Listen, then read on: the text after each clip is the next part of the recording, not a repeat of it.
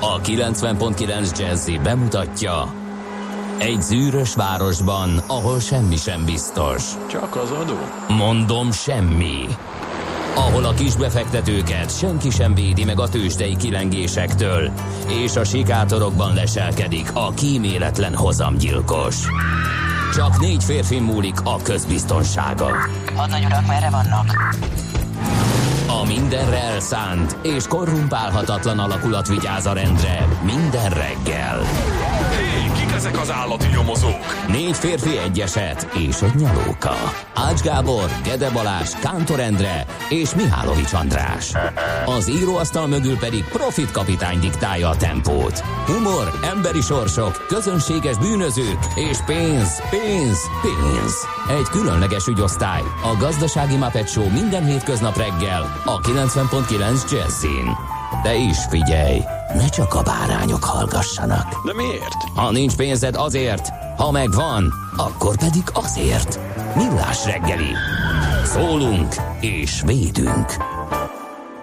6 óra 46 perc van. Jó reggelt kívánunk, kedves hallgatók, közönség. Ébresztő föl, mert indul az optimista péntek itt a 90.9 Jazzy Rádion, a Millás reggeliben, Ács Gáborral. És Mihálovics Andrással. 2018 június 15-e van a mi SMS számunk, amely WhatsApp és egyben 0 30 20 10 9 09, és ezt figyeld apukám, ilyen egy mintaférj, 5 óra 44 perckor írja Zozó nekünk, boldog születésnapot kívánok drága feleségemnek és szimbiótámnak, Gabcsinak szeretettel. Szimbiótám? Hát ez óriási. Ennyi. Nem tudom. Szerintem söpörjük le az eseményeket, a születésnapokat, a névnapokat, mindent, és adozzunk egy óriási tisztelettel Zozónak.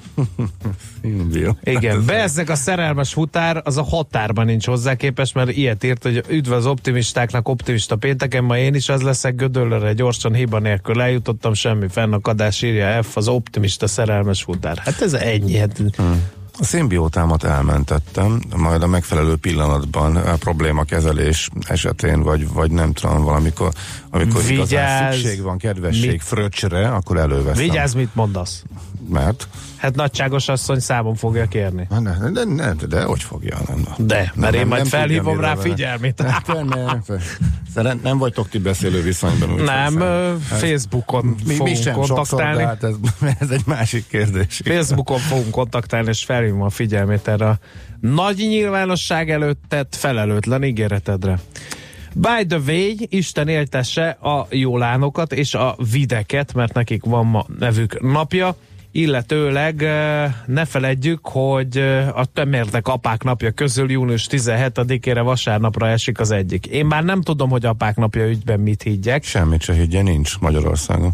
Igen, de egy csomó helyen meg van. És most nem tudom, hogy érdekel, ez most nem gyűrűzik az hozzá. apák napja egy világi ünnepnap. Magyarországon június harmadik vasárnapján ünneplik. Az apák szerepének fontosságát számos pszichológiai tanulmány is igazolja. Kenheted a hajadra, ez úgyse fogod tudni behozni. Az biztos. Miért szeretnéd? Hiányzik? Hát jó lenne. Hát figyelj, elég izé, Most ebben a nagy gender, sokszoros apa vagyok, de Egyensúlyra annyira, annyira, törekvés- Hát, de most, annyi, hát most nekünk is járhatna egy kis szalonna, vagy nem tudom, mert nyilván nem virág, mint anyáknak anyák napjára, de valami nem tudom. Egy csokor szalonna, egy, egy Hát az ez- utódoktól. Engem ez nem érdekel. Hát Apa- ez a nagy baj. apaként. Olyan vagy, mint egy Sem. másik rádión a G- DJ Nafta. Az söpört el a legvitatottabb témákat, ez engem ez nem érdekel, mondatta a rendre. Aztán bedobtam egy másikat, azt is lesöpört, és így telt el három és fél óra műsor volt. Akkor Na, mindent lesöprök, jól van. Ez én egyébként tényleg, tényleg azt péntek. gondolom, most nem azért, mert hogy irigy vagyok az anyák napjára, de hát azért, hogyha már uh, tényleg, tehát azért Ugye engem se zavar, hogyha megtartják, de azt se, nem fogok problémát csinálni belőle, hogyha ez nálunk nem erősödik meg. Angliában ez nagyon komoly ügy. És, És a egészen spanyoloknál is. akciózás van, és megnő a boltok forgalma, és, és komolyan, eh, igen, ez a családok életének a része. Em, Én meg, nem, nem, nem tudom, nem érzem, hogy ez hozzánk bejönne, vagy hm, Na most figyelj, utána néztem. De nem is hiányzik, csak azt mondtam. Február 23-án kezdődik az apák napja Oroszországban, ahol egyben katonai ünnep is, mert ugye az apák ugye szurony, szegez, melkas, kitár és és december 5-ig minden, majdnem minden hónapban van apák napja valahol a világon. December 5-én Tájföldön a király születésnapján van egyébként az apák napja is, mert gondolom ő is édesapa. És minden hónapban, augusztusban például van Iránban, Tajvanon, és Brazíliában, de három különböző időpontban. Június harmadik vasárnapján van a legtöbb helyen egyébként, ahogy így ránézem felszólalásszerűen. De például a sógorok, az osztrákok azok június második vasárnapján. Ó, hát akkor ez úgy a látszik. belgák június második vasárnapján tartják, kivéve Antwerpenben. Annyira jellemző, nem? ez nagyon belga. Mert hogy. Antwerpenben március 19-én tartják az Jó, apák napját. De oké. e, tehát, Hát hogy ez- most apa legyen a talpán, aki felismeri azt, hogy most akkor mikor kéne őt. Hát figyelj, azért mindenkinek van egy nemzeti hovatartozása, elég könnyen meg tudja nézni az ő országát, és azt veszi figyelembe. Nem minél, hogy sokan mászkálnának csak azért, hogy mindig apák napján egy különböző országban ünnepelhessék egy évben tízszer az apák napját, úgyhogy Kivéve téged, mert te fapadon elrepülsz. ha akarnám, Először februárban Oroszországban ott megünnepelnek, aztán márciusban Antwerpenbe, aztán Oroszország- áldozó csütörtökön Németországban, június elején Dániában. Oroszországban nem repülök, mert drága a vízum, majd azt még Igen. majd akkor, ha időm lesz. Tehát ő magába két napra nem megyek el, vagy három napra egy városba és vissza, majd ha az egészet egybe lehet bejárni, egy vízum áráért, amit szeretnék megnézni, majd akkor. De hát mintha nem engedtek el, és állandóan megy a rinja, hogy már megint nem vagyok itt, ez eléggé odébb tolódott. Igen. Na, ugye? Jó, hát akkor ne ünnepeljünk nekem, aztán édes mindegy, ünnepeljet csak a nőnapot, meg a anyák napját, aztán kész. Igen, az fontos. Nézzük, mi történt június 15-én. Volt egy sárkányos kísérlet, Benjamin Franklin csinálta a Filadelfiában. E, sikeresen hozott létre szikrákat egy felhőből a villámcsapás elektromos jelenségének felismerése vezette el végül a villámhárító feltalálásához. Benjamin Franklin. Aztán jeles nap volt 1876 méghozzá Magyarországon, amikor elhatározta a magyar mérnök és építész egylet, hogy innentől a méter rendszert fogjuk használni. 1876-ban tehát. És 1986 Kína emlékezne a Hungaroring nagy csinnadrattával megnyílt szintén június 15-én. Ja, azt hittem, hogy ha már 86, azt hittem, hogy a mexikói emlékezetes meccsnek van az évfordulója, de ezek szerint nem. Hagyjuk, az már a binap volt, az, felejtsük is el azt az egészet. Nézzük, uh, milyen születésnaposaink vannak. Ma ünnepel Lőrincel László magyaríró élete és munkássága. Nekem valahogy ő kimaradt. Tudom, hogy rengeteg könyvet ad el, tudom, hogy nagyon termékeny író, Mármint, tudom, hogy nagyon sokat... Lawrence? Egyet sem olvastam tőle. Most ez lehet, hogy szegénységi bizonyítvány, de én nem... Én beleolvastam, de nem mondanék semmit, mert az én véleményem nem mérvadó. Jó, de aj- akkor nekem mondjál már valamit, ajánlanád? Ma- Beleolvastál, az azt jelenti, hogy nem olvastad végig, mindent Figyelj, értek, nekem, köszi. mond, sok tekintetben kificamult ízlésem van, tehát azért, azért ezzel, ezzel mindig csínyán bánok. Elmondanám, hogy hány filmre jöttem ki a moziba, Ki mert jött? Én kifordult sose jöttem ki én, még én már filmre. elég sokról, mert ha, ha, ha valami, És felállítod az egész sort? mint a szél, hát ez nem, nem érdekel, akkor nem fogom végülni a szart. Már bocsánat. Há, egy bátor ember. Hát ők is örültek végül, és utána több hely volt letenni a kabátjukat. Igen. Jean-Philippe Smet, francia rockénekesnek is ma lenne a születésnapja 1943, aztán mindenki felvonta a szemöldökét, hogy ki ő? Ki az a Jean-Philippe Smet? De ha azt mondom, hogy Johnny Halliday, akkor ugye? Na, szóval neki is ma lenne a születésnap, sajnos tavaly elhunyt. Aztán Isten éltesse, az egy óra múlva itt vagyok, beleéget nekem a memoáromba. Tudom, nem kell kiavítani. Direkt használok ilyen szavakat. Tehát a memoáromba beégett Harsányi Gábor ö, örökbecsű szerepe. Hogy is hívták? Lángvince. Lángvince, Igen, aha. na jó. Tehát ö, 1945-ben ő is június 15-én született, Jászai díjas magyar színművész, érdemes művész is, és ma van a születésnapja Fenyő Ivánnak, aki megcsinálta Hollywoodban. Aztán többet nem. Mm, mérsékelten. Igen. Igen. De mekkora hype volt körülötte, Jó. nem? Hogy szerepel egy nagy... És az De- milyen rossz film? Azt végigültem speciál, de mindegy.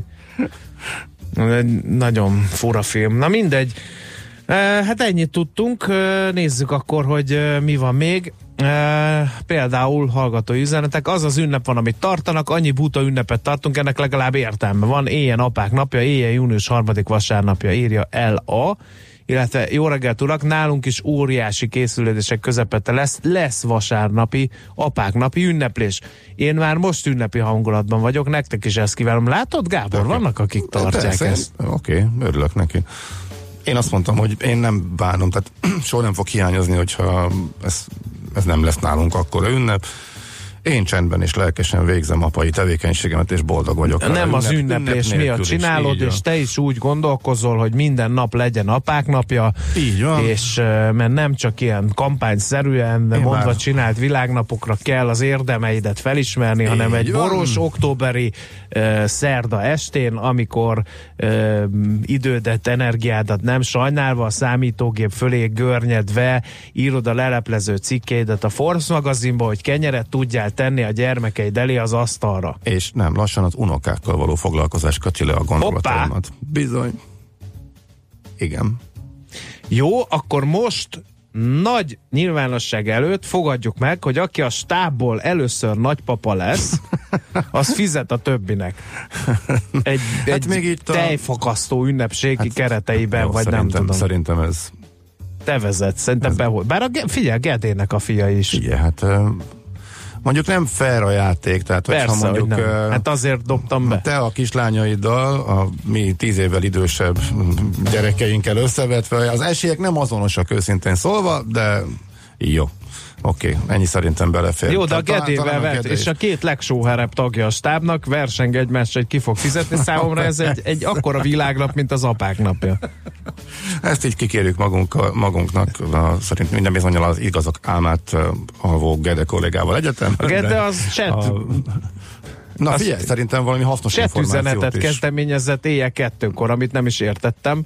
Szerintem eltévesztette a házszámot, úgyhogy biztos alszik. Na minden. Mert lassan valami hasznos információt is szolgáltathatnánk a hallgatóknak, én arra jutottam meg az órára rápillantva. De ez lenne a javaslat. Szerintem ez annyira hozzá? hasznos volt, ők ezt igénylik, nem a Budapest értéktősde irányadó mutatójának alakulását, de azt is megkapják kellett, kér, vagy mi, kérve kéretlen, mert ez egy ilyen műsor.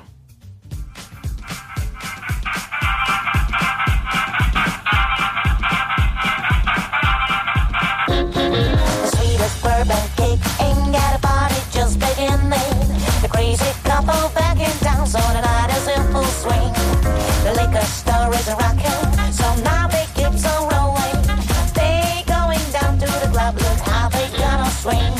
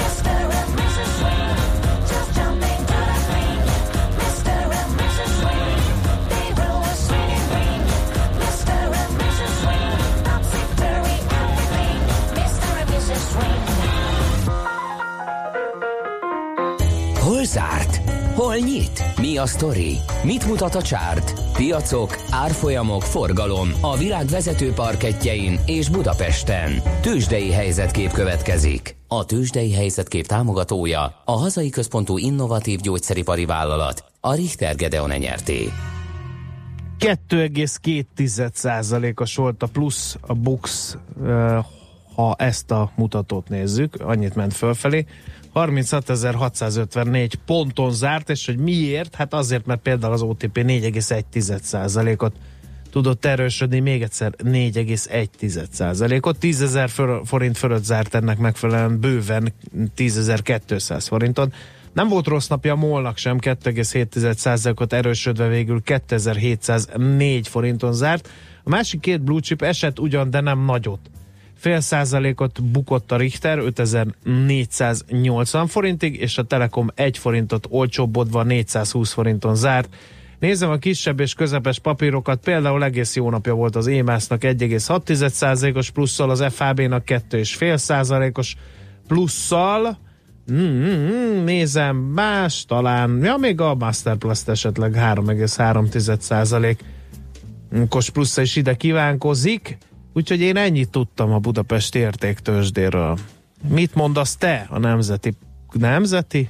Bár minden piac nemzeti lenne, nemzetközi piacokról. Hát a devizapiaci reakciót meg az Európai Központi Bank döntésének a hatásait arról, hogy miképpen vezetik ki a pénzpumpát, hogyan építik le a, ezt a pénzmennyiséget, amit a gazdaságba pumpáltak, azt meghagyom majd. Kuti kollégának a tőzsdei helyzetről pedig igazából csak annyit, hogy a hangulat alapvetően jó volt, hogyha a Wall Street-et nézzük, akkor kis pluszok voltak, és az idei év eddigi fejleményeinek tökéletes lenyomatát lehetett látni. Kicsibe a Dow Jones, hát illetve majdnem, az indexeknek az egymáshoz viszonyított teljesítményét, illetően a Dow Jones volt a leggyengébb, az S&P kicsivel jobb, a Nasdaq pedig kimagaslott ez éves szinten is. Pontosan így működött, illetve az éveleje óta, a tegnapi naptár pont ugyanilyen volt, a Dow Jones kis mínuszban zárt, de a nagy technológiai nevek mind, illetve nem mind, de elég sok közülük nagyon nagy növekedés produkált, és ez újabb történelmi csúcsra repítette a Nasdaq mutatóját, amely 8,1%-ot tudott izmosodni, az S&P 500-es pedig 2,1%-kal egy kis mértékű emelkedés produkált, úgyhogy összességében hogyha az indexeket nézed, akkor semmi rendkívüli. A nagy ugrók között a Twitter is ott volt, sok szenvedés után visszajött a sírból, tehát amikor az összeomlás szélén volt, akkor azért rendszeresen szerepel az árfolyama, rendszeresen szerepelt a hírekbe, de a, mióta szárnyal, azóta nem, nem kell a fénycső, köszönjük szépen, kedves, kedves, kedves, kedves, kedves és bekapcsolta a stroboszkópot, hogy vajon az ács akkor is tud. A szemembe, e. a szemembe Te is oda vagy az apák napjáért, mi látom. Igen, jó van. Épp, éppen elég sötét van. Ez mindent elmond. Ne fejtsd ki, kérlek. Te meg hagyd már abba azt ki a tőzsdeizet. Ki, röhögte az apát Ki röhögte? Hát nézd meg, meg, alig bírt magával. Jó van. Szer- Oké, okay. szerintem Mondjuk így, én megértem. Így ér véget a mondat közepén egy igazi jó tőzsdei jelentés. Tőzsdei helyzetkép hangzott el a Millás reggeliben. A tőzsdei helyzetkép támogatója a hazai központú gyógyszeripari vállalat, a Richter Gedeon nyerté. No kérem, néhány hallgatói észrevétel kell apák napja, írja valaki, ennyi. Aztán, ha valamikor ki kellett menni a munkahelyről, csak annyit mondtunk, Láng Vince, azaz egy óra múlva jövünk, írja Fer, Fergábor. Világmentes világnapot követel Buda, illetőleg a lányom oviában nagy buli lesz ma apák napja alkalmából, írja a hallgató, és egy képet is mellékel, az van rajta, hogy kedves édesapák, sok szeretettel meghívjuk önöket, a gyerekek június 15-én 16 órától az apák napja délutára tervezett programokat nem avatnám be, de van ilyen, hogy tűzoltók, rendőrök, mentők is érkeznek autókkal, hüllőbemutató, ne, minden lesz. Ez Nagyon, mi, ez egy jó az apák napára felfűző. Hát de milyen menő már? Na jó, nekem, engem teljesen elkerült. Hát nekem is vannak ovis, meg iskolás gyerekeim, de sehol nem volt apák napjához kapcsolódóan. Lehet, hogy mi nem nyújtottunk olyan teljesítményt, ah, amivel ezt kiérdemelhető lett volna. Lehet. Az M5-ös bevezetőn kiváló a forgalom, hova tűntek az autók, írja Balázs. Szerintem mind mögötted van, nézd bele a visszapillantó tükörbe, akkor kiderül. Na! Szemrehányóan jelezte Hogy híreket akar mondani? Kollégina, mit hogy nem kommentelhettem a- az apák napját, de most megkapcsoltam, úgyhogy Nem, nem, nyugodtan, nem. nem, azt, jelez, nem, azt jeleztem, hogy nem kell beadni. Ja, hogy Mert pont, hogy- lehet, hogy olyat Megvan- mondanék, amit nem kell. Hogy Megvan a a markáns kell apák vélemények, a napja, de markáns tudod, mit vélemény. mondanék erre? Na, egy na, mondatot. egy. Tessék. Kell apa is. Hát, nyilván. Na, hát én eddig úgy tudtam, hogy minden gyereknek van, de oké. Okay, A más nem biológiai szempontból, ugye? Oké, okay. jöjjenek a hírek. Műsorunkban termék megjelenítést hallhattak. Hírek a 90.9 Jazzin. Megszűnhet a kettős élelmiszerminőség, rekordszinten a magyar sportfogadás. Változékony borongós időre készülhetünk, jelenleg 17-18 fokot mérünk itt Budapesten. Jó reggelt kívánok, 6 perc elmúlt 7 óra, a mikrofonnál Schmidt Andi. Keletebbre húzódik az esőzóna ma Szabolcsban, Hajdúbiharban, Békésben és Csongrád megyében kell felhőszakadásokra készülniük az ott élőknek. Ezekre a megyékre adott ki elsőfokú figyelmeztetést a meteorológiai szolgálat. Részletek a hírek végén. Megszűnhet a kettős mérce az élelmiszereknél. Az új uniós vizsgálat lehetőséget ad majd arra, hogy a nemzeti fogyasztóvédelmi hatóságok megvizsgálják a minden uniós országban kapható azonos csomagolásban árult termékeket. Az elmúlt években többször kiderült, hogy más összetételben forgalmaztak élelmiszereket, és a gyengébb minőségű termékek jellemzően Kelet-Európában kerültek a boltok polcaira. Veszélyes gyerekjátékokat és etetőszékeket vontak ki a forgalomból.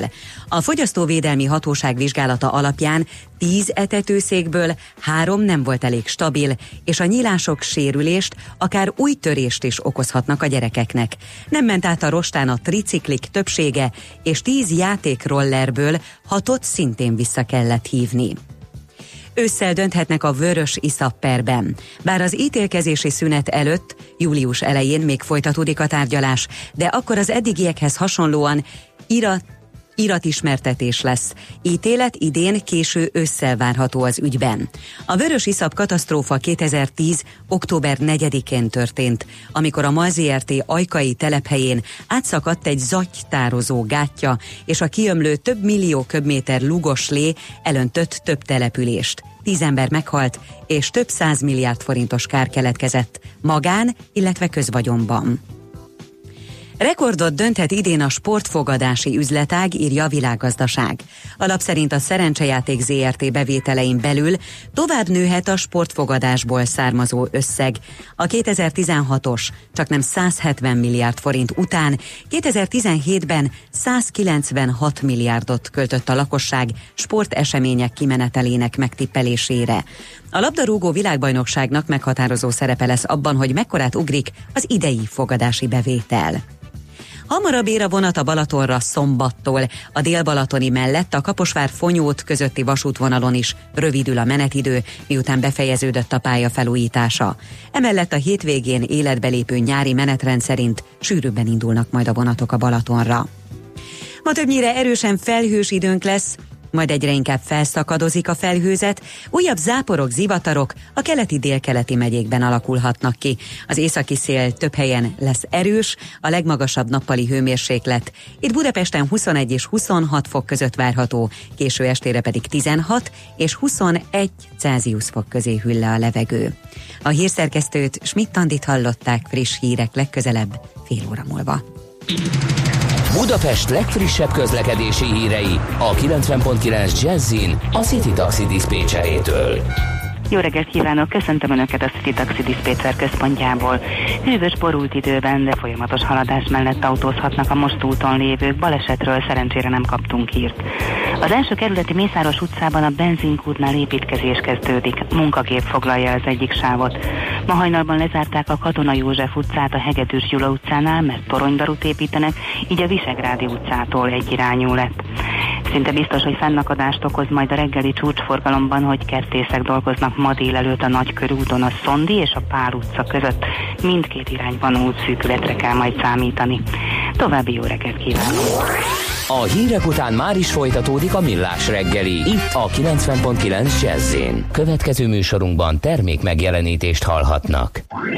Diesel is for unbelievers.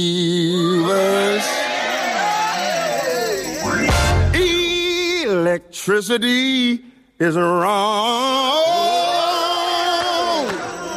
Steam has got the power to pull us along. There's a light at the end of the tunnel.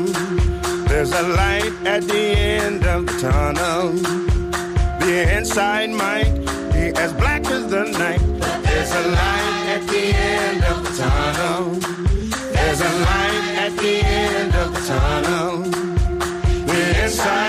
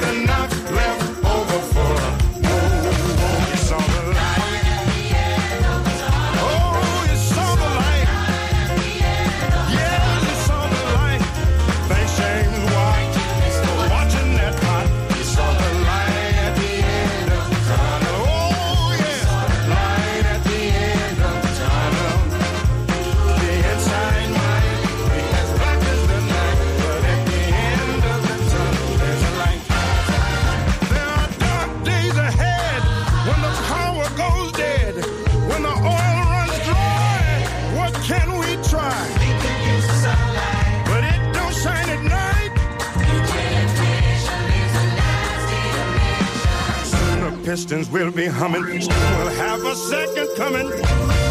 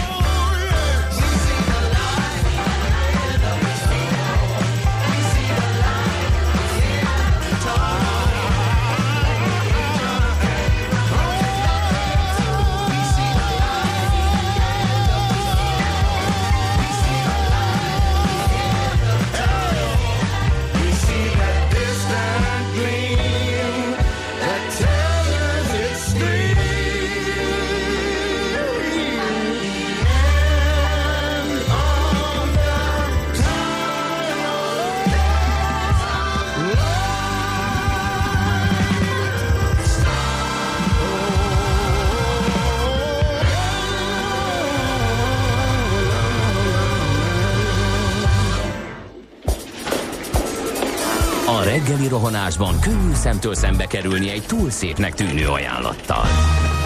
Az eredmény krétával körberajzolt tetemes összeg. A tethelyen a gazdasági helyszínelők, a ravasz, az agy és két füles csésze és fejvállalakzat.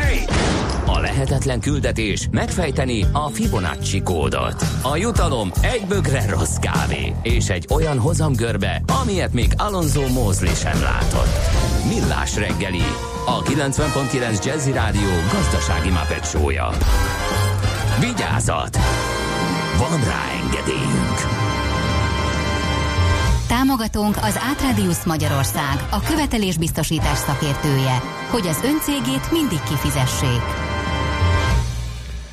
Jó reggelt kívánunk, 7 óra 14 perc van már, és megyünk tovább optimistán, uh, fénylő arccal, és uh, Igen, a, most... for, a forint mélypont mellett optimisten fél, fénylő Miért? arccal. Hát, Jó. A magyar gazdaságnak a gyenge forint jó. A nyaraló magyaroknak, akik külföldön nyaralnak, azoknak nem jó, de hát nem kell külföldre menni.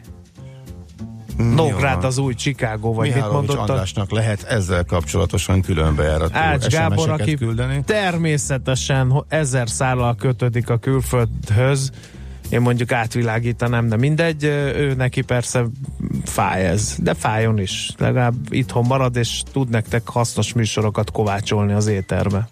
Nem gondoltam volna, hogy jól járok, hogy kivételesen az utolsó nyári utazásra előre foglalok és fizetek ö, szállást. Őszintén szóval az a 323-as dolgon én is meglepődtem, de majd Kuti Ákos elmagyarázza. Igen, ne vegyük el a kenyerét Ákinak. Na, inkább nézzük meg, hogy ö, mit ír, ahogy is hívják.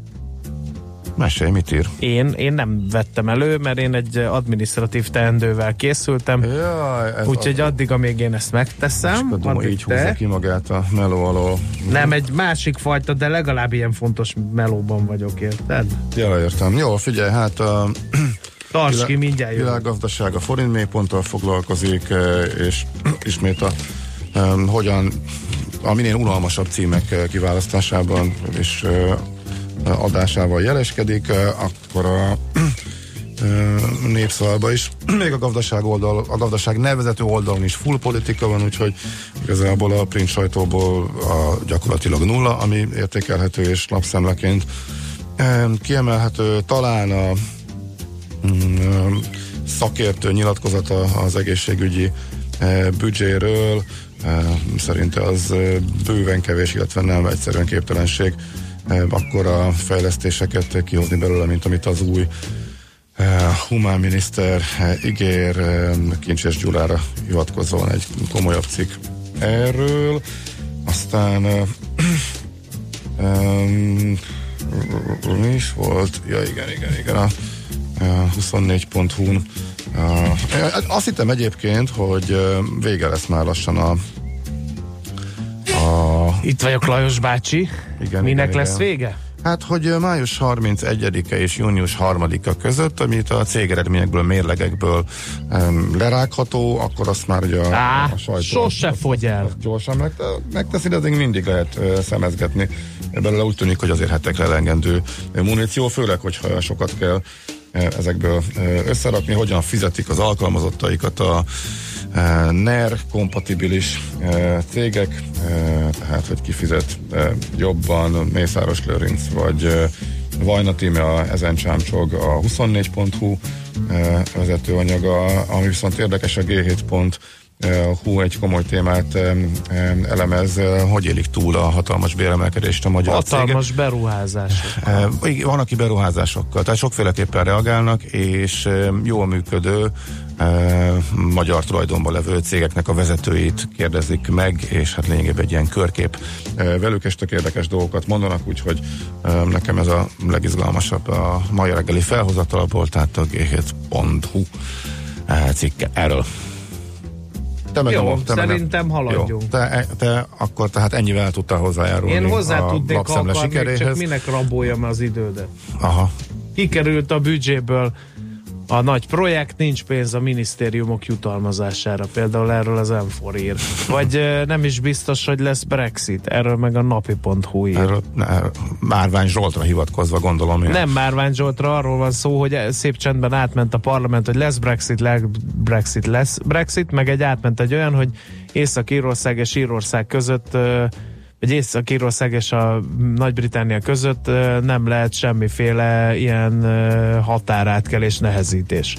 Ezt kíváncsi vagyok, hogyha kilépnek a Brexitből, meg az, és akkor hogy lesz az északír határon a helyzet?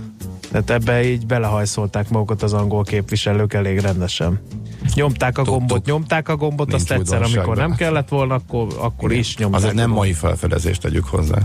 Hát ezért nem mond akartam, de mivel itt azt gondoltad, hogy befeketítesz a hallgatók előtt, Ja, hogy én ez szó. Potya utas nem vagyok a villás reggeliben, azt gondoltam, hogy Eh, Semmiféle nem volt, ilyen, csípőből kinyomom ezeket, hogy hát. nem volt ilyen szándék, de már ezért a pocsautas kifejezés. És képzeld el- Megérte, hogy kicsit fölbosszantsalak. Képzeld el, hogy azt írja a hallgató, felhívja a figyelmünket, nekem elkerült egyébként a figyelmemet, és szerintem ide tartozik. Az End Financial nevű cég, arról hallottál te?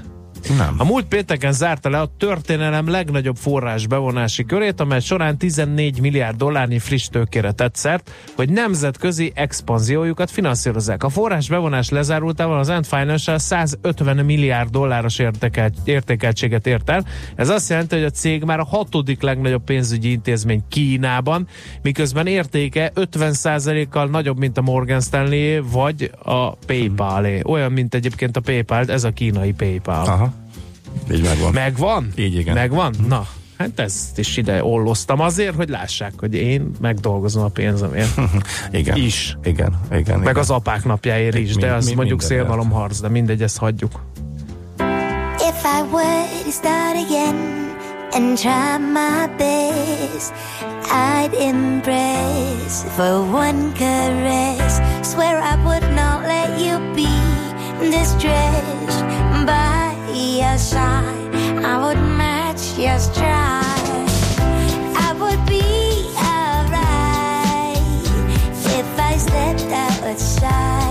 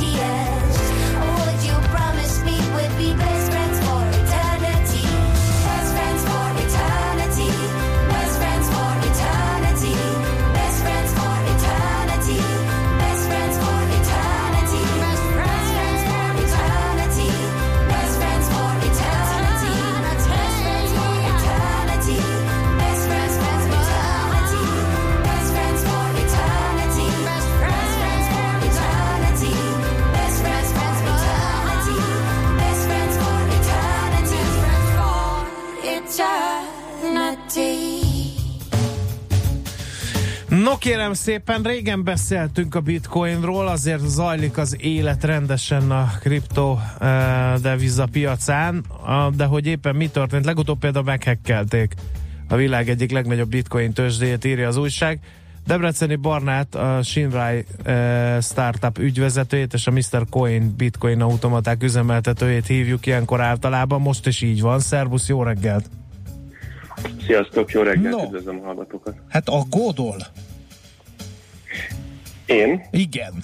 Személy szerint. Ö, személy szerint nem, miért aggódni? Annyira ö, tudtam, hisz optimista péntek van. Igen, igen. Na, de igen, a bitcoin annyi, annyit pontosítanék, hogy ez nem a világ legnagyobb, vagy egyik legnagyobb tőzsde volt, az a CoinRail-t hackelték meg, ugye, ami egy uh-huh. koreai tőzsde, a világ 9. legnagyobb tőzsdéje, mondjuk ez nem akadályozta meg a hackereket, hogy lenyúljanak 40 millió dollárt érő ICO, különböző ICO tokeneket. Uh-huh. Jó, nem biztos, hogy a laikus érti, mi az az ICO token, és az miért nem jelenti ugyanazt, hogy meghekkelték ezt a Nem bizonyos... ugyanazt jelenti, meghekkelték, csak Ja, nem, nem mhm. bitcoin nyúltak le, hanem ugye mostanában elég divatos a, az, hogy ö, ö, ö, olyan módon vonjunk be tőkét, hogy a szolgáltatásunkra kiépítünk valamiféle tokent, ami egy belső elszámolási egység, és ezt adjuk el előre. Ez gyakorlatilag a Kickstarter és a tőzsdei bevezetésnek egy kombinációja, ami elkezdte kiszorítani a hagyományos angyal, üzleti angyal és ö, kockázat tőke alapú ö, tőkebefektetéseket. Uh-huh. Most Jó. E, itt ezzel most mennyiségben mi a helyzet azzal párhuzamosan, hogy az évelei iszonyatos kicsúcsosodás után visszaesett a bitcoinnek az árfolyam, és még egy felszúrás után úgy stabilizálódni látszik ezen a 6-7 ezer dolláros szinten. Ez az ICO piacot mennyire vetette vissza, illetve e, itt most mennyire nagy a pörgés, hogy már nincs annyira talán a fényben? Uh-huh. Uh, nyilván, amikor egy kicsit magasabbak az árfolyamok, vagy hát a, a nagy kriptopénzek árfolyamai, amikor magasabban vannak, akkor egy kicsit jobban pörög az ICO piac, hiszen ilyenkor ugye a, a megtermelt, a, a tőke nyereséget gyakorlatilag ilyenkor nem, nagyon sokan nem, nem kiveszik uh, euróban, vagy dollárban, vagy egyéb fiat pénzben, hanem befektetik valamilyen ICO-s, valamilyen csapatba, valamilyen startupba. De egyébként ez annyira nem, nem vetette vissza az ICO piacot, és most már hát hál' Istennek mm-hmm. egyre jobb és jobb projektek vannak, és egy, egyre kevesebb az átverés. De, de amúgy egy kicsit érződik, igen. igen, igen. A, Figyelj, mint hogyha az árfolyam egy kicsit ilyen nyugovóra tért volna, legalábbis nincsenek olyan nagy kilengések, megkockáztatták néhány helyen, olvastam ilyet is, hogy nagyjából most van a, a elfogadható szinten a bitcoin árfolyama.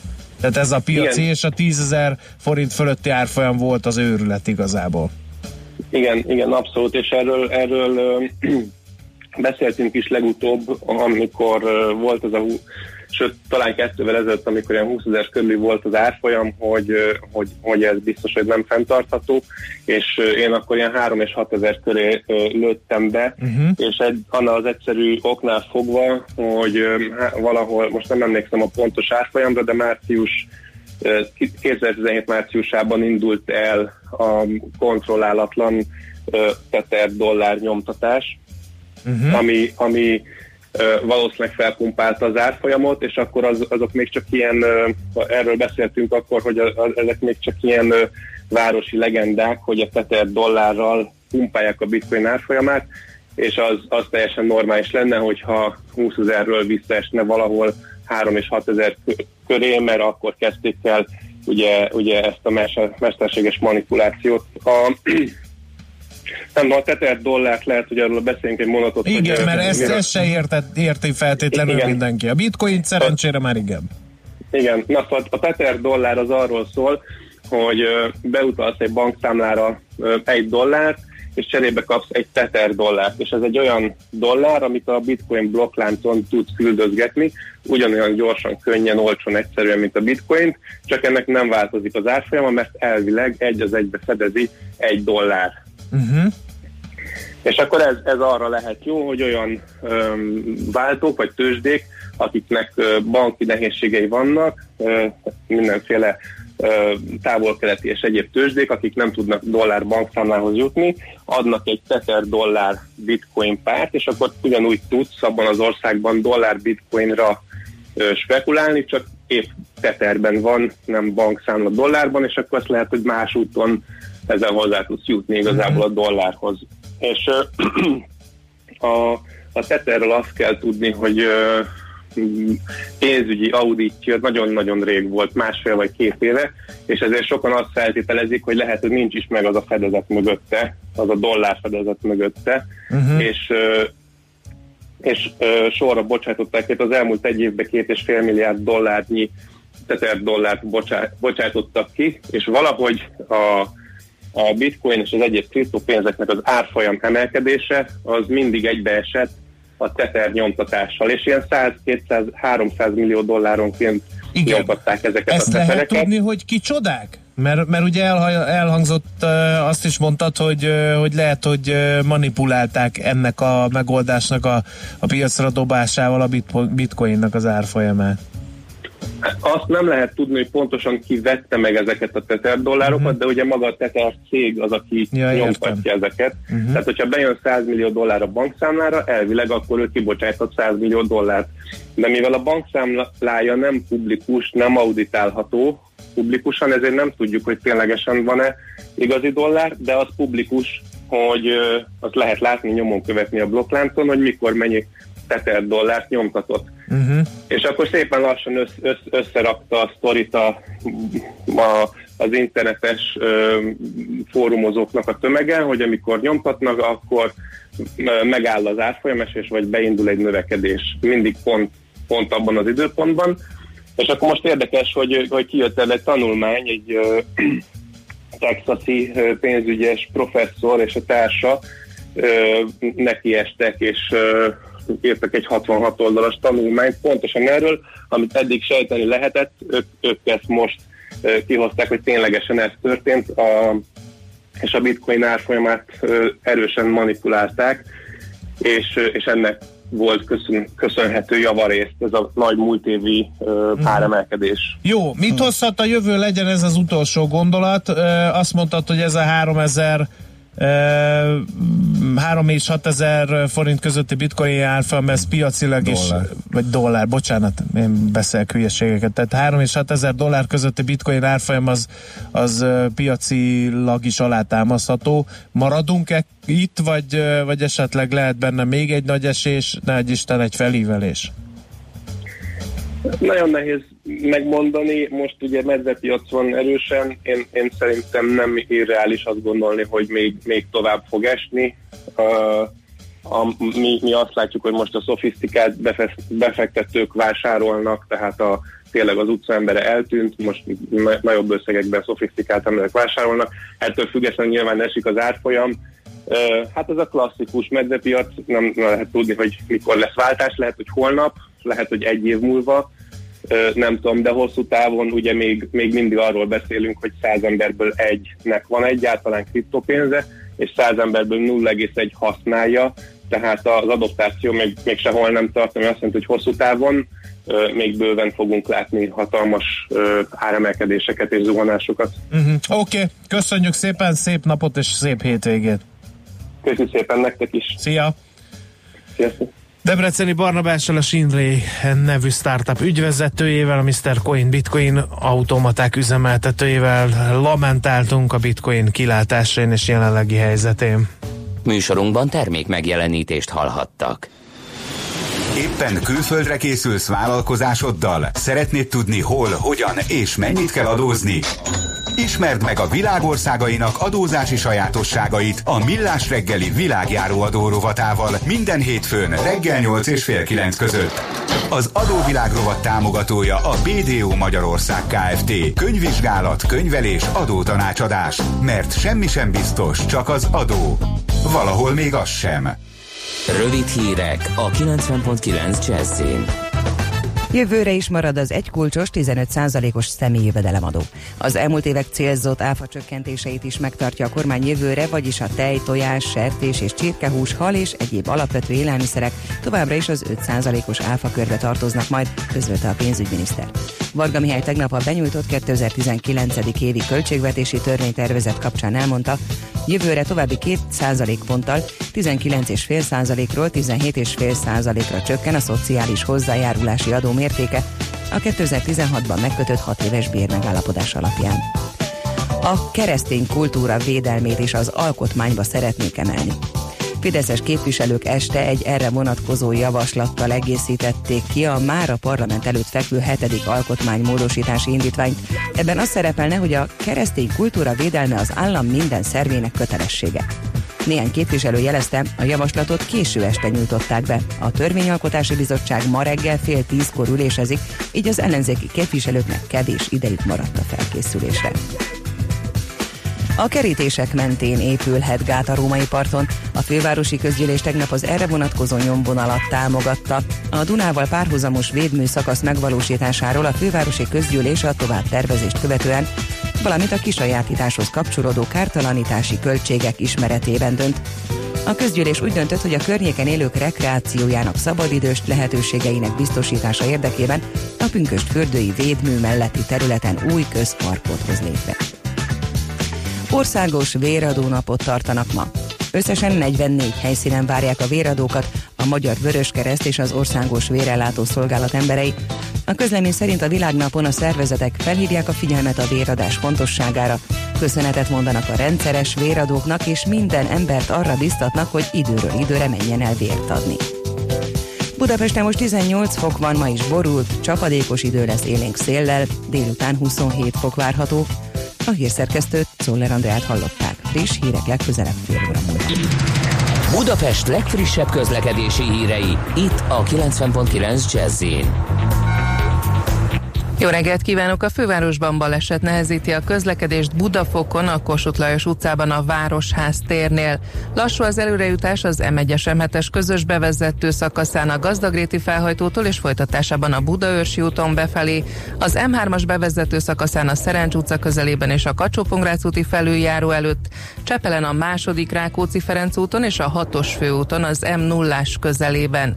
Torlódásra számítsanak a Váci úton befelé a Megyeri útnál és a Dózsa György útnál, a Keresztúri úton befelé a Kerepesi útnál, a Kerepesi úton és a Fogarasi úton befelé a közös csomópontjuk előtt, a Rákóczi úton a Barostértől befelé és az Üllői úton a Nagykörút előtt.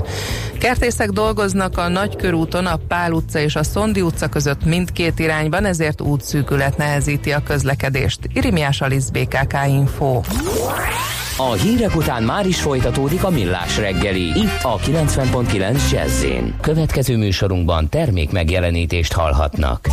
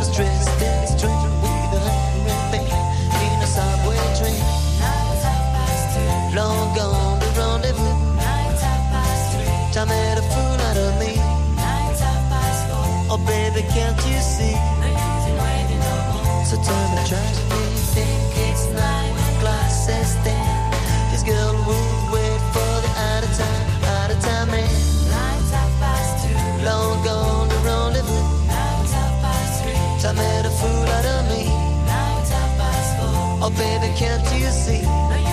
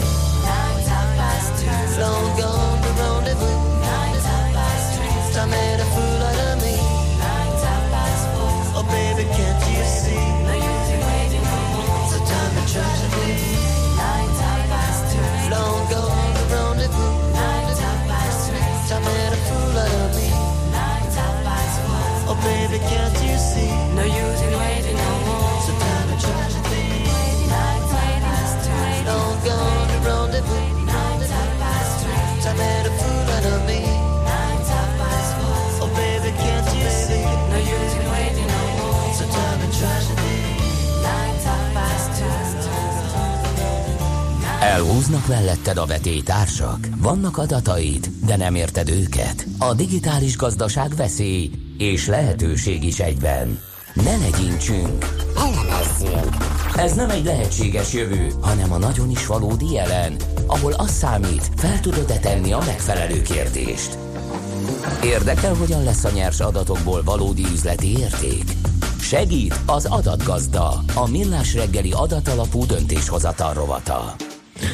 Mi is nagyon sokat beszélgetünk a robotokról, meg ugye 3PO, R2D2, stb. ezek ugranak be, meg hogy az autóiparban már ezer éve használják, hegezgetnek ott szépen, meg beszélgettünk az ember-robot együttműködésről, de ha azt mondom, hogy Robotic Process Automation, arról viszonylag kevesek eh, hallottak, beleért Vács kollégát is lefogadom. Úgyhogy ezért tárcsáztuk Rakó Ágnest, a KPMG tanácsadó partnerét, hogy kifejtse, hogy mi ez a RPA nevű betűszó, mi van emögött. Jó reggelt kívánunk! Jó reggelt kívánok, üdvözlöm a neked és a hallgatókat is. Szóval mi ez az RPA? Az RPA az valójában szoftver robotokat jelent. Uh-huh. Nem olyan típusú robotokra kell gondolni, mint amilyeneket ön is említett az autóiparban, hanem tipikusan olyan robotok, amelyek képesek végrehajtani olyan feladatokat, amelyeket egyszerű utasítások és szabályok mentén le lehet képezni, olyan módon, hogy azokat a számítógép is képes legyen elvégezni. Uh-huh. Lehet példákat találni erre az irodai működés során? Igazából az irodai működés az, ahol leginkább lehet erre uh-huh. példákat találni. Hogyha egy ilyen nagyon jó példát uh, így az elején felhozhatok, akkor talán arra érdemes gondolni, és ezzel szerintem már sokan találkoztunk, amikor kollégák bizonyos rájuk bízott feladatok kidolgozására saját maguk fejlesztenek egyszerűsítő megoldásokat, akár makrók tekintetében. Uh-huh. ezek nagyon jó megoldások, de ezek a megoldások eléggé bizonytalanok és veszélyesek is, hiszen hogyha a kolléga esetleg egy másik munkahelyet, másik munkakört választ, akkor nagyon sokan nem tudják lekövetni azokat a feladatokat, amiket ő végzett. Uh-huh. A robotok praktikusan erre is képesek, azzal a borzasztó nagy különbséggel, hogy egy kontrollált, mindenki által látott környezetben működnek, és megteremtik azt a biztonságot, amit egy ilyen saját magunk által fejlesztett megoldás ah, nem tudja. Tehát, hogyha van egy vállalkozás, amelynek meglehetősen kusza az IT rendszere, mert mondjuk a gyártási részlegen ezt használják, a HR részlegen azt használják, akkor ebből nagyon nehéz mondjuk big data adatokat kiszedni és optimalizálni az üzleti folyamatokat, de ha egy ilyen szoftverrobottal tevékenykedünk, akkor a KUSA IT rendszer hirtelen átlátható lesz. Valami ilyesmi lehet, ugye? Hát ilyesmire érdemes gondolni. Uh-huh. Ami a lényege, amit az előbb is említettem, hogy egyszerű utasításokkal, szabályokkal leírható feladatokat kell találni ahhoz, hogy a robotok megfelelően tudjanak működni.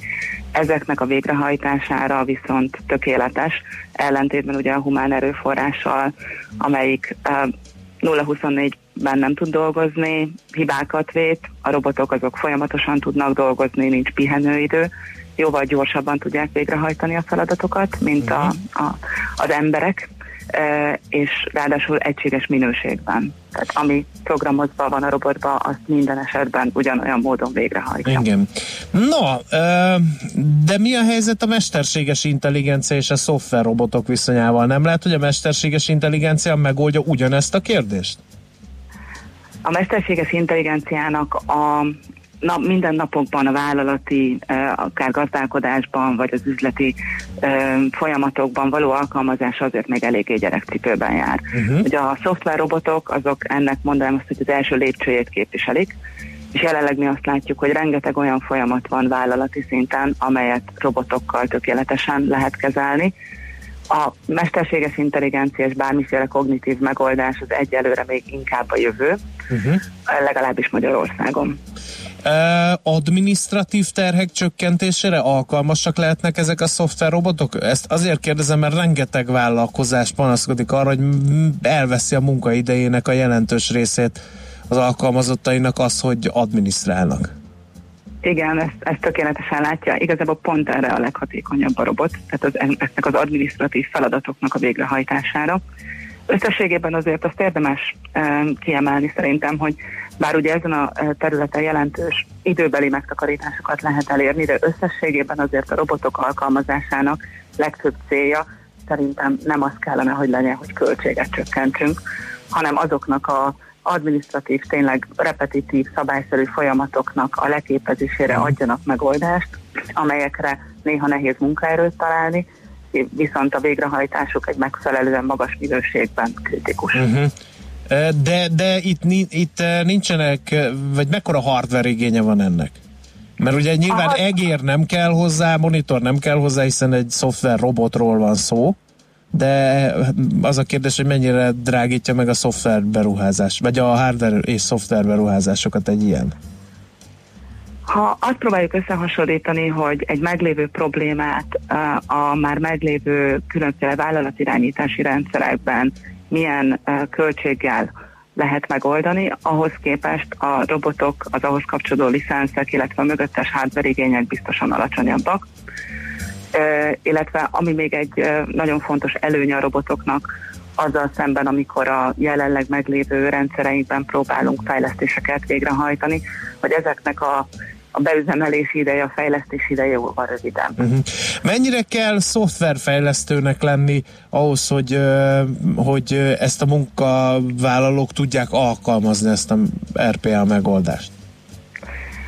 Alapvetően a, a robotok fejlesztése és beüzemelése tipikusan inkább az üzleti területeknek a, a feladata és felelőssége pont ez abba a trendbe bele is illik, amit az elmúlt években vagy évtizedekben lehet látni, hogy egy kicsit demokratizálódik az IT eszközöknek a fejlesztése, tehát nem kell már fejlesztőnek lenni ahhoz, hogy valaki ezeket üzemeltetni, fejleszteni képes legyen.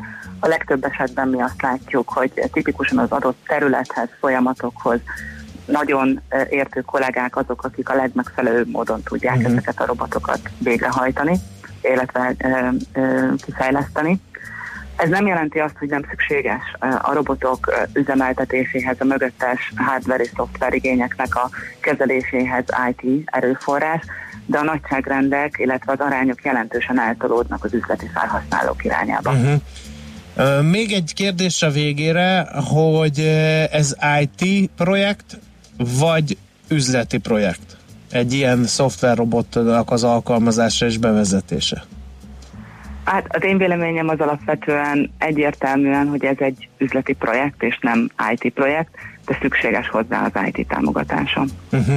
És hogy viszonyul uh, a, a digitális átalakuláshoz? Tehát, hogyha egy cég, mert erről is nagyon sokat beszélünk, egy cég szeretne uh, egy nagyot lépni és digitalizálódni, uh, az segíthet ebben? Ezt azért kérdezem, mert volt egy uh, ilyen példa, amit én itt összefabrikáltam, de nem tudom, hogy mennyire, uh, mennyire életszerű, hogy uh, ugye megtanul a rendszerek között uh, kommunikálni, mozogni ez a szoftverrobot, összefésüli az IT rendszert, az egy jó lehetőséget teremt ezekre a dolgokra. Gondolom én. Abszolút, ez a, ez a fabrikált példa, ez egy, ez egy tökéletes példa arra, amire nagyon jól lehet használni a szoftverrobotokat. A kérdés első felére visszatérve pedig, igen, az ideális állapot az az lenne, hogy a digitális transformációs stratégia részeként eh, kezeljék a társaságok a szoftverrobotokat, ennek ellenére mi nagyon sokszor azt látjuk, hogy adhok problémákra, bizonyos területek igényeire kérnek, illetve fejlesztenek a társaságok robotokat, de az én alapvető elképzelésem is az, hogy ennek egy nagyobb stratégia részeként kellene, hogy megjelenjen a vállalatok uh-huh. életében. Csak eszembe jutott valami, ugye az emberek mindig aggódnak attól, hogy a robotok elveszik a, a munkájukat. Itt, itt erről nincsen szó, csak az adminisztrációs terheket csökkentik, ugye? Azt meg úgyse szereti senki a munkatársak közül töltögetni, meg adminisztrálni. Ez utóbbival egyetértek. Abban a tekintetben azért átalakítják a robotok a, a szükséges munkaerő jellegét és akár minőségét, mennyiségét is, hogyha ezeket a repetitív, szabályszerű folyamatokat a humán erőforrások helyett a szoftverrobotok végzik, akkor nyilvánvalóan megnő azoknak a munkaköröknek a jelentősége és száma, amelyek képesek ezeket a folyamatokat egy kicsit magasabb szinten átlátni, irányítani, vezényelni. Uh-huh. Az összességében nem feltétlenül jelenti azt, hogy csökken a munkaerőigény, inkább egy ilyen átalakulás történik a, a munkaerővel, a kollégákkal szembeni elvárásokban. Uh-huh. Jó, mindent értünk. Nagyon szépen köszönjük, nagyon hasznos beszélgetés volt. Reméljük, hogy felhívtuk a figyelmet. Tehát akkor szoftver robotok ezzel jó, ha megismerkedik eh, minél több cég Magyarországon is. Köszönjük még egyszer, és szép napot kívánunk viszont hallásra. Köszönöm szépen, viszont hallásra. Rakó Ágnessel, a KPMG tanácsadó partnerével váltottunk néhány szót, és megismerkedtünk a szoftverrobotok fogalmával, működésével, és az ez ebből fakadó előnyökkel is. Adatgazda, a millás reggeli adatalapú döntéshozatal rovata hangzott el, hogy a nyers adatokból valódi üzleti érték legyen. No, néhány hallgatói üzenet. A külföldön dolgozó magyaroknak jó a gyenge forint, már ha Magyarországon költik el. Remek műsort kíván Dr. Répa Bukarestből. Mindenkinek megvan a maga keresztje. Jó az a Bukarest, Dr. Répa? Mondd már el, kíváncsi lennék a benyomásaidra. Aztán mi van a Kaliber magazinban és a villanyszerelők lapjában írja Pengész? Hát ez elhalt ez a kezdeményezés, akár a napi csata a kezdeményezés, mert hogy... Jaj, ne sírj már. Mert hogy... Csata, bármikor lehet napi csata, amikor csak Bármikor? Akarod. Persze. Jó, de hát most Csak mindenki arra múlik. kíváncsi, hogy miért 370 a font. E, e, igen, és ez Például. nem, és meg miért sokára ki fog 223 a forint? Úgyhogy nyerjünk teret Kuti Ákosnak, hogy a deviza rovatát megtarthassa.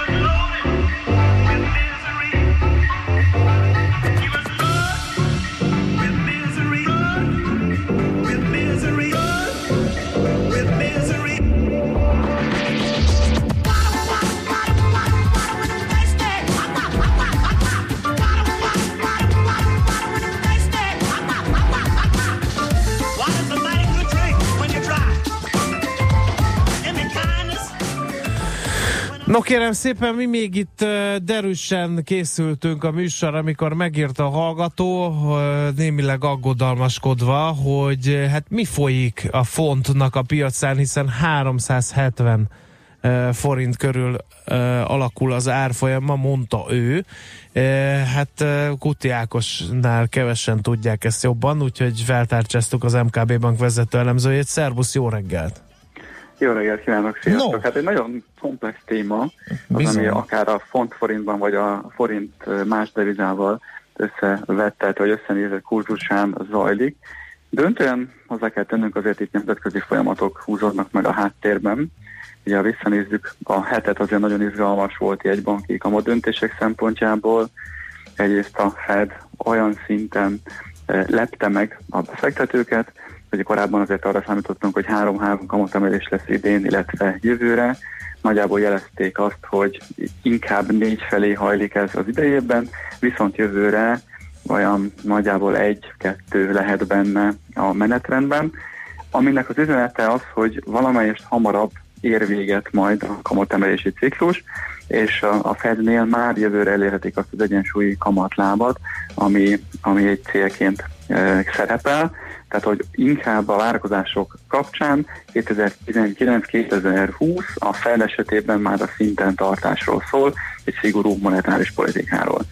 Ezzel szemben az LKB tegnap sok mindent mondott, Egyrészt ugye tudjuk, hogy az eszközvásárlási program idén, október, november, decemberben 30-ról 15 milliárd euróra esik, jövőre nem folytatódik, illetve majd az első kamatemelésről valamikor jövő második felében, tehát 2019 második felében beszélhetünk. Összességében ez meglepte a piacokat, amin mi is meglepődtünk, hiszen aki követi az LKB különböző anyagait, tájékoztatóit, a különböző jegybanki megszólásokat, az, az, az nagyjából tisztában lehetett ezzel a menetrenddel, és mégis meglepetésképpen érte ez a szereplőket, mert hogy még múlt héten az LKB jegybankárai talán más pályát vázoltak, LKB egyes jegybankárai talán más pályát vázoltak az LKB vonatkozásában, tehát szumma summarum, amíg a a Fed esetében azt látjuk, hogy lassan véget ér a kamat emelési ciklus, addig az LKB nagyjából 2019 második felében kezdhet hozzá ezekhez a, a lépésekhez. Ugye addig azért sok hosszú ideig szinten marad majd a, az eszközállási programban megszerzett kötvények szintje, tehát csak nagyon-nagyon lassan épül le majd az eszközállomány. Tehát eljutunk nagyjából az idei második felében, jövő egy olyan piaci környezetbe, amikor már egy, egy szigorú Fed egy, és egy lassan szigorodó LKB-hoz csatlakozunk.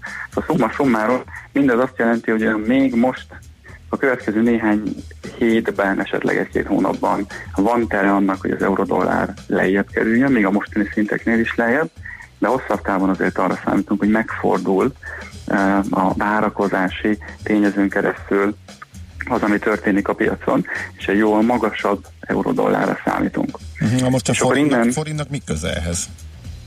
A forintnak a köze van, amiatt van ehhez köze, hogy láttuk azért 2000, visszanézzük az elmúlt 5-6 évet, 2012-ben indult meg idehaza a kamat csökkentési ciklus, amiben azért fontos szerepe volt annak, hogy milyen eh, monetáris politikai folyamatok, milyen gazdasági folyamatok zajlottak az eurozónában. Tehát az, hogy nálunk ilyen alacsony a kamat, vagy kam, alacs, alacsonyak, relatív alacsonyak a kamatok, azért az nagyban köszönhető annak a, a régiós folyamatoknak, ami történik Európában, azon és az eurozónában.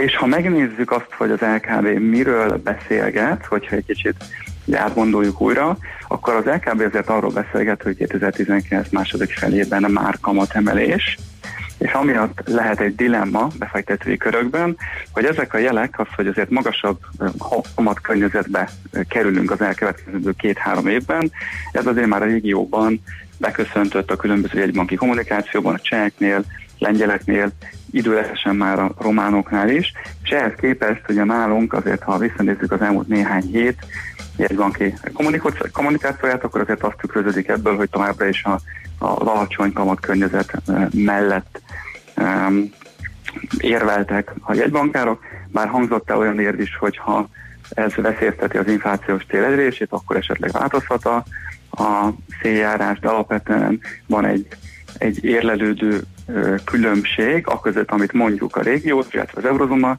jegybankári mondanak, és amit mondjuk a, a, idehaza a különböző hatáspolitikai döntéshozóktól hallunk.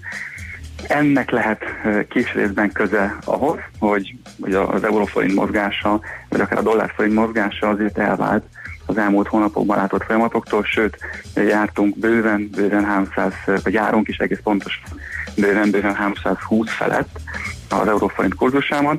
Tehát valahogy ez a dilemma, ez, a, ez az eltérés, ez a különbség köszön vissza abban, hogy miközben a régióban, illetve Európában azért egy magasabb hozampályáról, kamatpályáról beszélgetnek, nálunk még ennek egy más lecsapódása van, és ebből a piaci szereplők azt a következtetést mondják le, hogy azért ez valamelyes más pályát jelent idehaza, ez köszön vissza a, abból, hogy a régiós devizákhoz képest is most, az elmúlt napokban gyengébbnek tűnik a forint. A jegybank változtathat ezen valahol, vagy illetve a piac kikényszeríthet ilyet? Tehát van olyan forint árfolyam, ahol ez a jegy, magyar jegybank részéről megváltozna? Mondjuk most 3.25 vagy 3.30-nál esetleg ők is változtatnak? Mert most úgy tűnik, hogy egyedül kitartanak a lazasság mellett, emellett azért meg mondogatják, hogy válság közeleg tőlünk függetlenül. Az egyik fontos érv, ami, ami már el is hangzott, hogy az elsőleges cél, hogy az inflációs célnak az elérése, a 3%-os inflációs célnak az elérése, ez egyébként jövő év közepén nagyjából meg is történik, minden ebből vezethető vissza, és hogy a döntéshozók fejével, ha gondolkodunk, ami újdonságot jelentene mondjuk ide-haza, hogyha jóval magasabb, itt akkor az általad is említett, mondjuk 325-ös színnél magasabb szintekre kerülnék, és ez tartósá válna, az jelentene egy átárazódást a, a piaci szereplők fejében, hiszen korábban nem voltunk még ilyen szinteken, az, ami esetleg a, egy magasabb inflációs, egy esetlegesen magasabb inflációs változás révén valóban veszélybe sodorhatja az inflációs célnak a, a teljesülését, tehát az okozhat, vagy az eredményezhet egy olyan váltást, vagy változást a monetáspolitikai eszköztárban, ami, ami esetleg már egy, egy más kamatpályát, vagy egy más összetételt eredményez. Nyilván az időzítés szempontjából jövő hét fontos lesz, hiszen egyrészt, hogy a kedden kamat döntés, másrészt pedig már látni fogjuk a friss inflációs jelentésnek a egyrészt a főszámait kedden, másrészt pedig annak a, a teljes tartalmát jövő csütörtökön, amiből kapunk egy friss impulzust, azt, hogy egyébként a, a jegybank hogyan látja az inflációs pályát, mennyire érzi um, rizikósnak a mostani szinteket, és mennyire lát ebben kockázatot a jövőre nézve. Uh-huh, Oké, okay. jó van, köszönjük szépen, tisztában látunk, és kíváncsian várjuk, hogy mi lesz a forinttal a következő hetekben, hónapokban, illetve a jegybank mikor és hogyan reagál, vagy változtat az eddigi kommunikáción, illetve politikáján. Szép napot, Ákos, köszönjük, jó pihenést! Rendben, köszönöm, sziasztok! Szia, szia! Kuti Ákos Jó, világosított föl bennünket a forint gyengülés, illetve a különböző devizamozgások hátteréről. Engem meg leoltottak egy nyelvbotlás miatt, 223 forintért bármennyi eurót átveszek a Petya, ha igen, ennyi igen. lesz, akkor majd szólok, de ugye 322 volt, nem 223, nem is tudom, hogy jött ez össze. Biztos azért, mert összezavar az ács állandóan. Igen, már nem merek megszólalni, mert Helyes. már zavaros voltam egy kicsit, igen. Zavaró voltam, elismerem. Na kérem szépen, Smittandi hírei jönnek, aztán utána lakáskörkép, ingatlan körkép uh, kerül a műsorban ismertetésre, hogy kicsit nyakatekerten fogalmazzak, itt lesz a stúdió, nem a stúdióban, telefonálni fogunk Kormos Zoltának, uh-huh. az OTP Bank lakáshitelek főosztályának igazgatójának.